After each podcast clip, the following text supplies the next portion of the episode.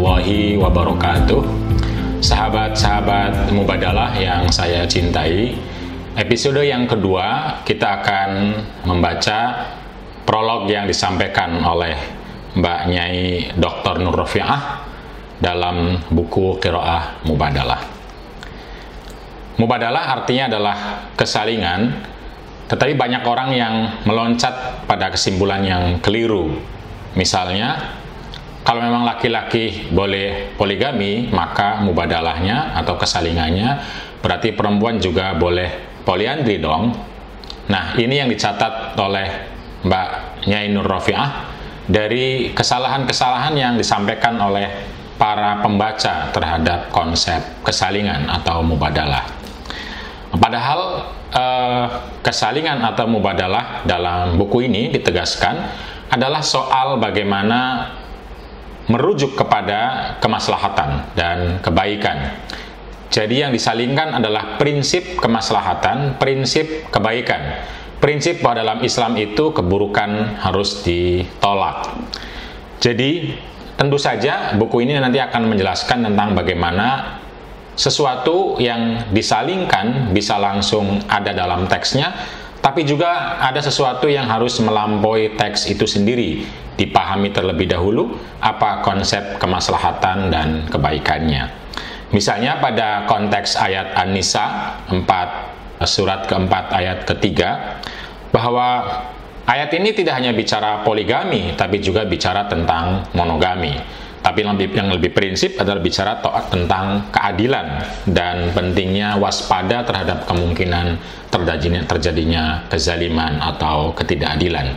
Dan inilah sesungguhnya yang harusnya disalingkan bahwa baik laki-laki maupun perempuan harus berpikir bagaimana menghindari dari aneka bentuk perkawinan yang beresiko terhadap ketidakadilan dan kezaliman. Dan sebaliknya, bagaimana menjaga perilaku perkawinan yang membawa kepada kemaslahatan dan keadilan. Itulah kira-kira nanti akan dijelaskan tentang uh, kiroah mubadalah dalam buku ini. Dan kata Mbak Nur bahwa kiroah mubadalah dalam buku ini adalah sumbangan yang begitu penting tidak hanya untuk memahami teks-teks agama, tetapi juga untuk merespon teks-teks yang ada di realitas, bahkan fakta-fakta dalam realitas yang sering kali menggunakan bahasa yang bias gender, begitupun dibaca dengan perspektif yang uh, patriarkis atau juga bias gender. Nah, dalam konteks ketimpangan relasi ini, tentu saja kita perlu ikhtiar terus-menerus untuk melahirkan dan mewujudkan perspektif cara pandang yang adil gender agar tidak terjadi ketimpangan dan ketidakadilan. Nah, salah satu penyumbang besar dari ketidakadilan gender adalah cara pandang yang dikotomis terhadap laki-laki dan perempuan, di mana laki-laki dianggap sebagai superior dan perempuan dianggap sebagai inferior. Lalu nilai perempuan ditentukan sejauh mana ia memberi manfaat kepada laki-laki.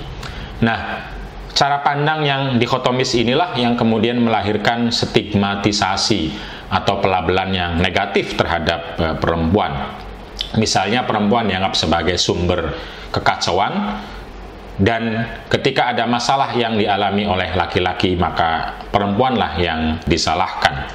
Ketika ada laki-laki yang memperkosa, bahkan yang disalahkan lalu perempuan karena pakaiannya, gerak-geriknya, perilakunya, dan lain-lain. Ini adalah stigma yang kemudian akan melahirkan berbagai ketidakadilan gender yang lain, seperti peminggiran, subordinasi, kekerasan, dan juga beban ganda yang dialami oleh perempuan. Tentu saja cara pandang yang dikotomis ini pada akhirnya bisa mempengaruhi sistem kehidupan dan akan melahirkan berbagai kezaliman dan ketidakadilan sosial baik di keluarga, masyarakat, negara, bahkan uh, global. Cara pandang yang dikotomis ini pada perbedaan laki-laki dan perempuan sesungguhnya tidak hanya berbahaya bagi perempuan, juga bahaya bagi laki-laki. Mengapa? Lalu kemudian Mbak Nyai Nur menjawab, Karena eh, patriarki ini sesungguhnya adalah cara pandang bahwa siapa yang lebih kuat dialah yang akan menindas yang lebih lemah. Laki-laki yang kuat boleh menindas perempuan. Sebaliknya, ketika perempuan kuat, maka lalu dia pun boleh dan bisa menindas laki-laki yang lemah. Bahkan perempuan yang kuat itu bisa dibenarkan untuk melakukan penindasan kepada perempuan-perempuan yang lebih lemah. Inilah masalah besar dari cara pandang dikotomis tersebut yang dilestarikan oleh sistem sosial patriarki. Dikotomi sesungguhnya adalah bukan satu-satunya cara pandang terhadap perbedaan, karena bisa saja perbedaan justru dipandang dengan cara sinergi, bukan dikotomi. Artinya, Perbedaan bahkan keragaman tidak dianggap sebagai sumber konflik atau dominasi, melainkan melainkan menjadi modal sosial untuk maju bersama. Perbedaan yang dibawa oleh manusia sejak lahir seperti jenis kelamin, suku, bangsa, warna kulit, warna mata, dan lain-lain itu mestinya tidak menjadi alasan bagi yang lebih kuat di antara mereka untuk sewenang-wenang terhadap yang lebih lemah.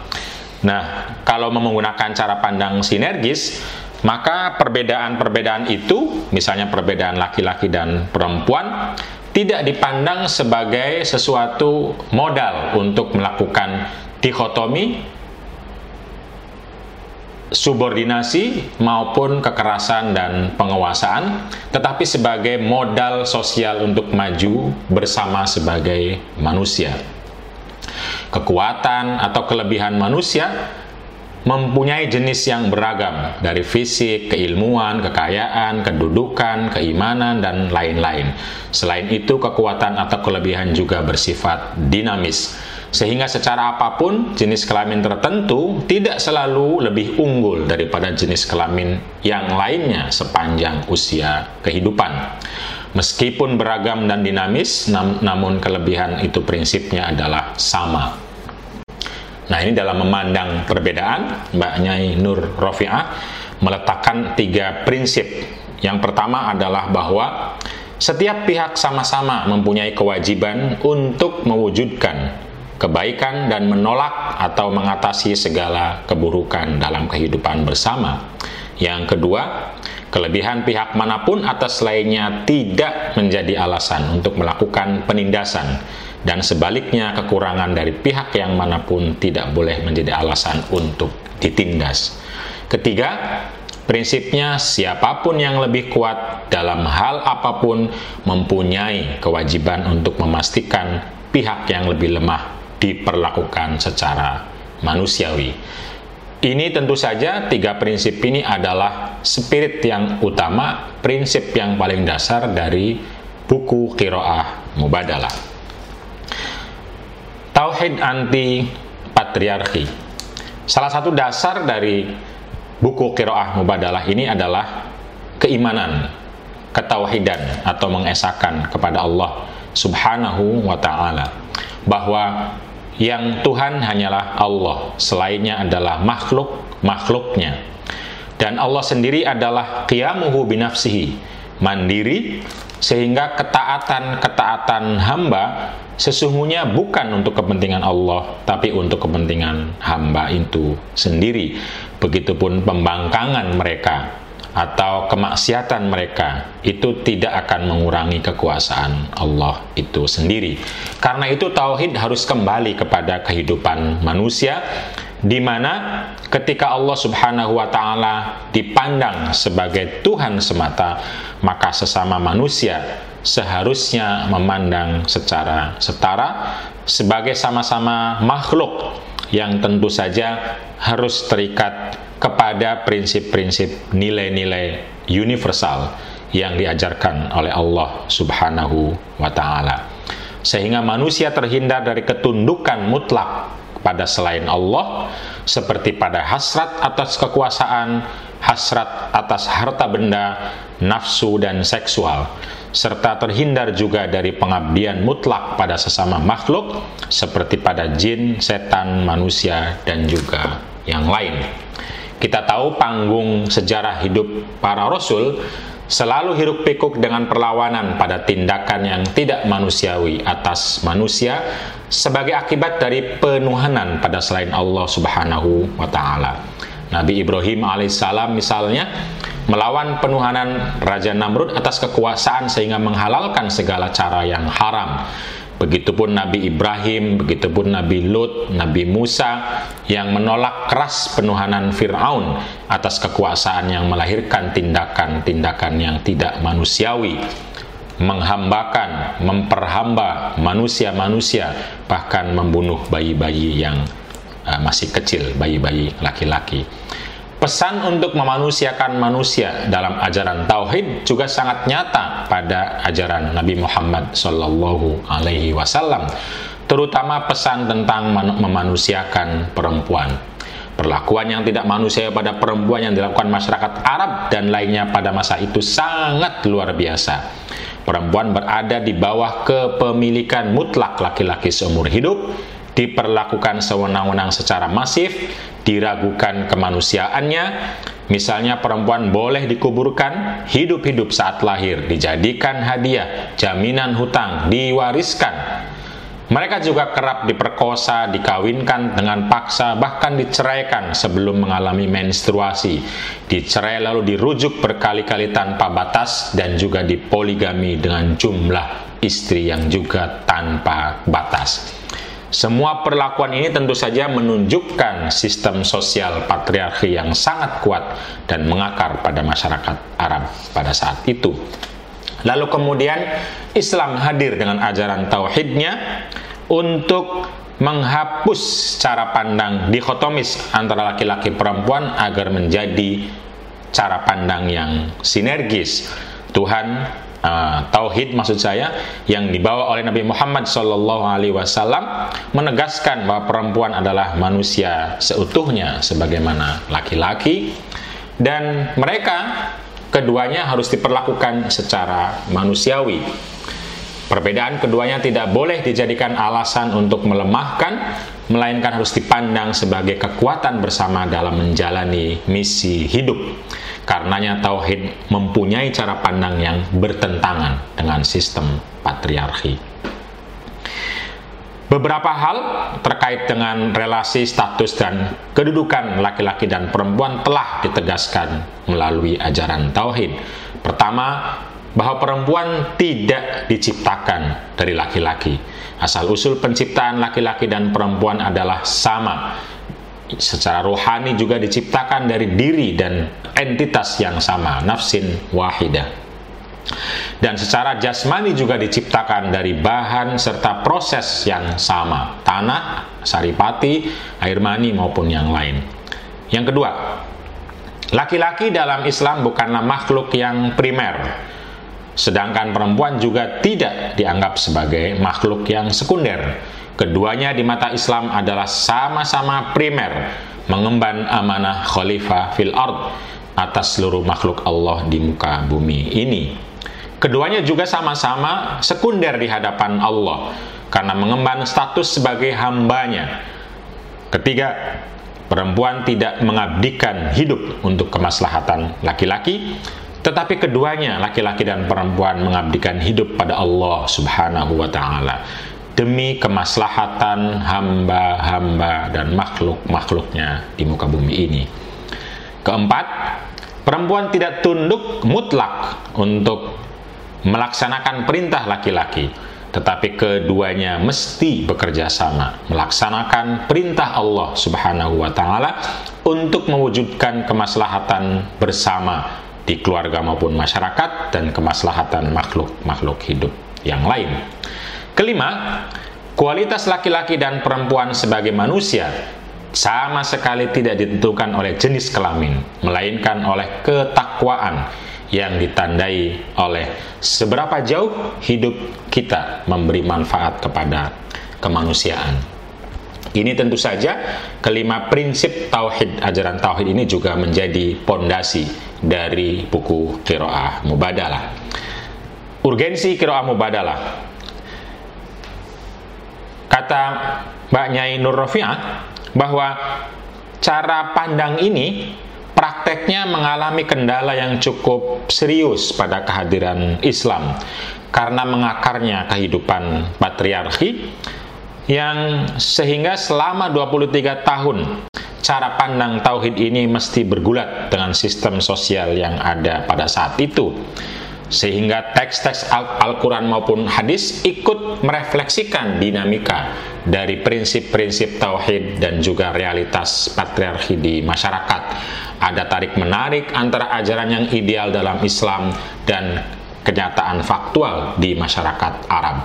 Sehingga jika dipotret secara utuh, maka dua jenis strategi yang dipakai Islam dalam membangun tata kehidupan yang sepenuhnya manusiawi pada perempuan, yaitu ada yang langsung ke target final, tapi juga ada yang melalui target antara.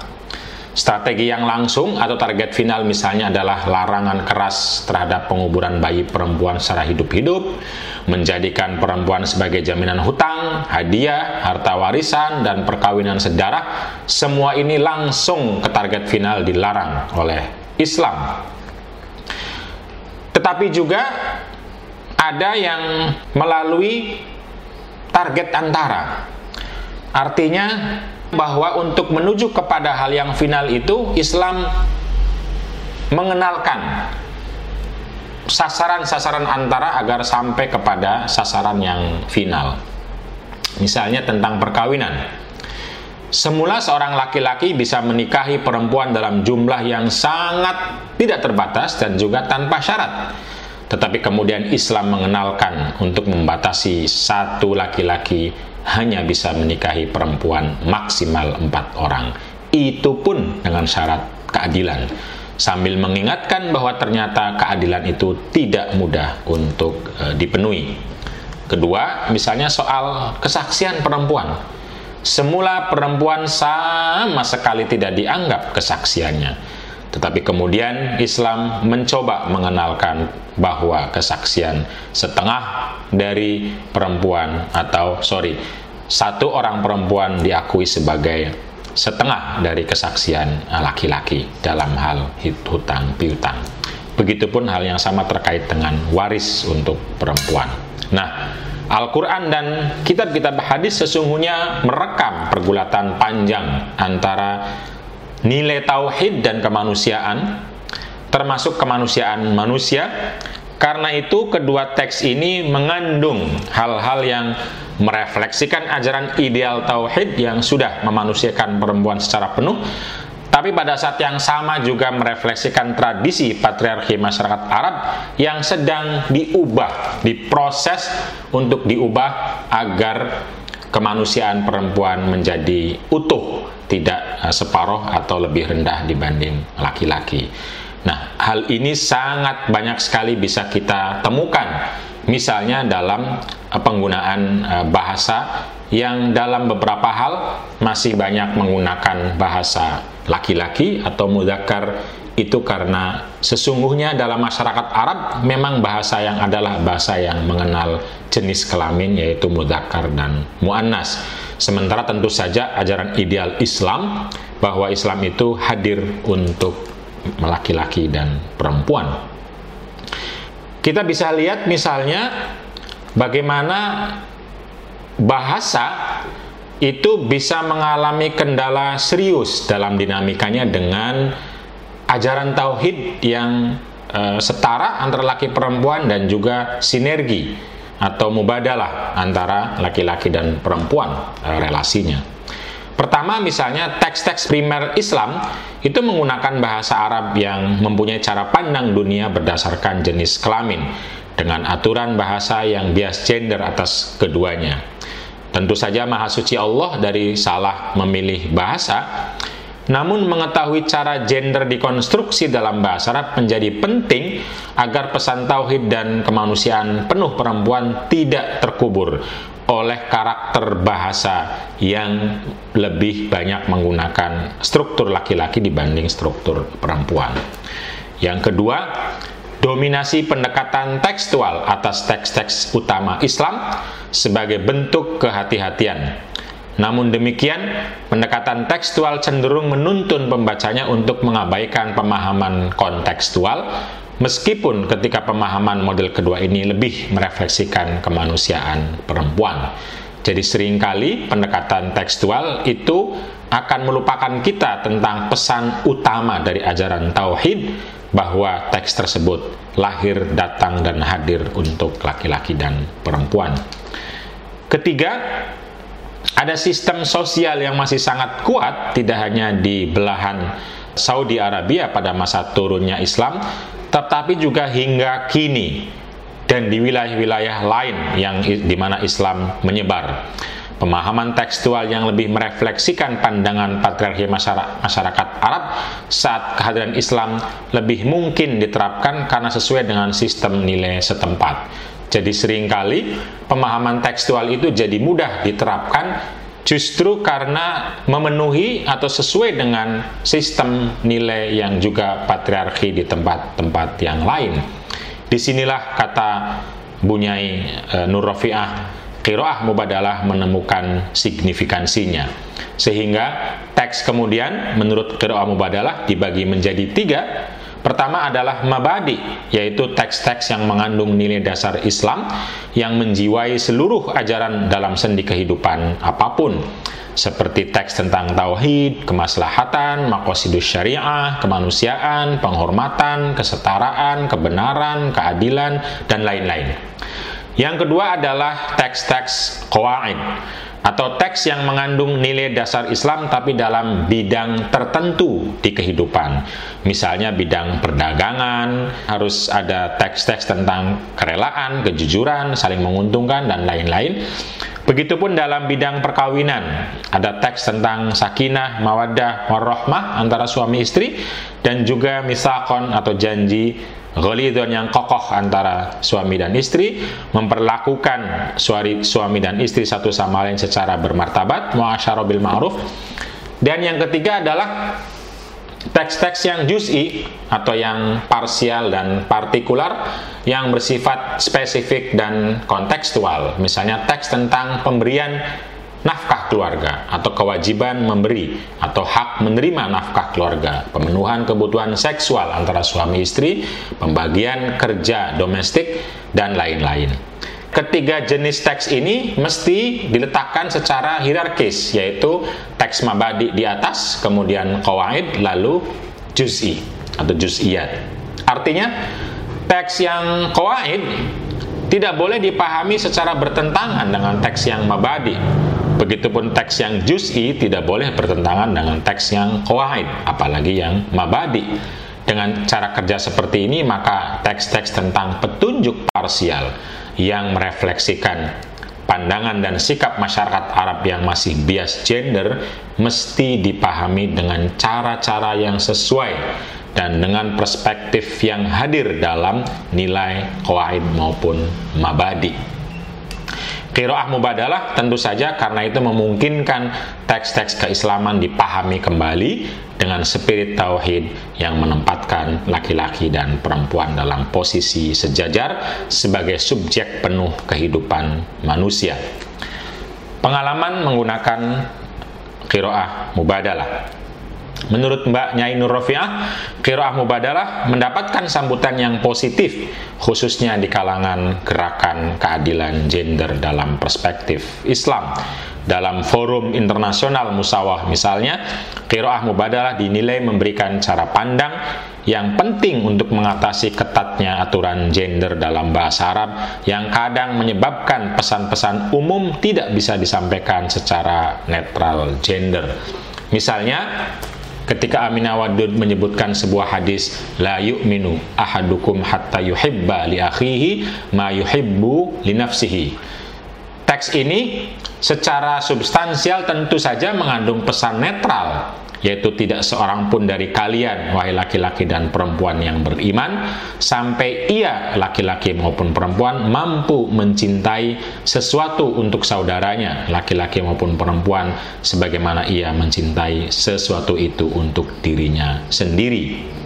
Namun pesan universal ini dalam bahasa Arab menjadi tidak netral dan sangat maskulin ketika diartikan tidak seorang pun dari kalian laki-laki beriman secara sempurna sampai ia laki-laki mampu mencintai sesuatu untuk saudaranya laki-laki sebagaimana ia yang laki-laki mencintai sesuatu tersebut untuk dirinya juga laki-laki.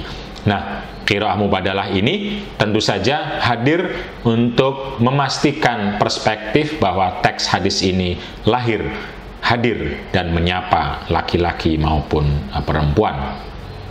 Begitupun dalam penyusunan konsep bimbingan perkawinan Kementerian Agama Republik Indonesia, konsep keluarga maslahah LKK PBNU, Kiroah Mubadalah memberikan istilah baru untuk kesetaraan dan keadilan gender, yaitu perspektif kesalingan. Kiroah mubadalah memudahkan kita untuk menggali pesan-pesan umum yang secara literal hanya ditujukan pada salah satu pihak, yakni suami atau istri. Misalnya tentang ketenangan jiwa atau sakinah, suami dan istri sebagai tujuan perkawinan, meskipun secara literal agar laki-laki mendapatkan ketenangan dari istri mereka, Demikian pula cinta kasih atau mawaddah warahmah dari kedua belah pihak sebagai syarat terwujudnya sakinah. Meskipun secara literal cinta kasih ini jika kembali kepada teks hanya ada untuk pihak laki-laki. Nah, Kiroah Mubadalah karena itu memberikan cara pandang yang sangat signifikan dalam gerakan keadilan gender dan juga gerakan keulamaan perempuan di Indonesia untuk menghadirkan dan membangun sinergi dalam kemaslahatan antara laki-laki dan perempuan sehingga sama-sama memahami narasi keislaman yang lebih fair dan adil untuk untuk kedua belah pihak. Narasi-narasi semacam ini diharapkan memperkuat tradisi Islam yang ramah pada perempuan sejak dulu ada di bumi Nusantara. Arah pengembangan Kira Mubadalah telah membantu mengatasi ketatnya aturan gender dalam bahasa Arab yang membuat teks-teks keislaman dengan ketat ini akan terasa maskulin. Nah, cara baca mubadalah ini memungkinkan lahirnya narasi Islam yang menempatkan laki-laki dan perempuan setara sebagai manusia. Ini tentu saja capaian yang sangat penting dan perlu dibaca, perlu digunakan oleh Uh, muslim di Indonesia maupun di dunia. Ini adalah soal relasi gender yang memang sering menyebabkan perempuan tidak memperoleh kemaslahatan dan tidak terhindar dari kemafsadatan sebagaimana laki-laki. Selain itu, relasi yang timpang juga akan mengabit, mengabaikan kondisi khas perempuan yang berbeda dengan laki-laki, baik secara biologis maupun sosial. Kiroah Mubadalah telah berhasil mendorong kesadaran bahwa laki-laki dan perempuan adalah sama-sama manusia seutuhnya. Namun kesadaran ini mesti dilanjutkan dengan kesadaran tentang pentingnya mempertimbangkan kekhasan kedua belah pihak dalam perumusan kemaslahatan dan kemafsadatan, terutama kekhasan perempuan sebagai pihak yang telah lama secara sosial tidak diperhitungkan kemanusiaannya secara penuh. Misalnya, secara biologis, perempuan mengalami bisa mengalami menstruasi, hamil, melahirkan, nifas, dan menyusui, sementara laki-laki tidak. Begitupun secara sosial, ketimbangan relasi bisa menyebabkan perempuan mengalami stigma, marginalisasi, subordinasi, kekerasan, beban ganda yang sering kali hanya dialami oleh perempuan. Laki-laki tidak mengalami ketidakadilan gender semata-mata karena dia laki-laki. Perumusan tentang kemaslahatan Islam karena itu penting untuk mempertimbangkan perspektif keadilan hakiki perempuan atau keadilan yang mempertimbangkan kondisi kekhasan perempuan baik secara biologis maupun secara sosial. Inilah agenda lanjutan dari tawaran kiroah mubadalah sehingga kiroah mubadalah menjadi lebih utuh untuk bisa membaca seluruh teks-teks Islam dalam melahirkan narasi yang lebih adil dan lebih ramah terhadap perempuan dan tentu saja terhadap laki-laki. Buku ini sangat direkomendasikan untuk dibaca oleh Anda, kata Mbak Nyai Nur Rofiah, yang bergelut dalam isu-isu kemanusiaan secara umum dan isu-isu gender secara khusus.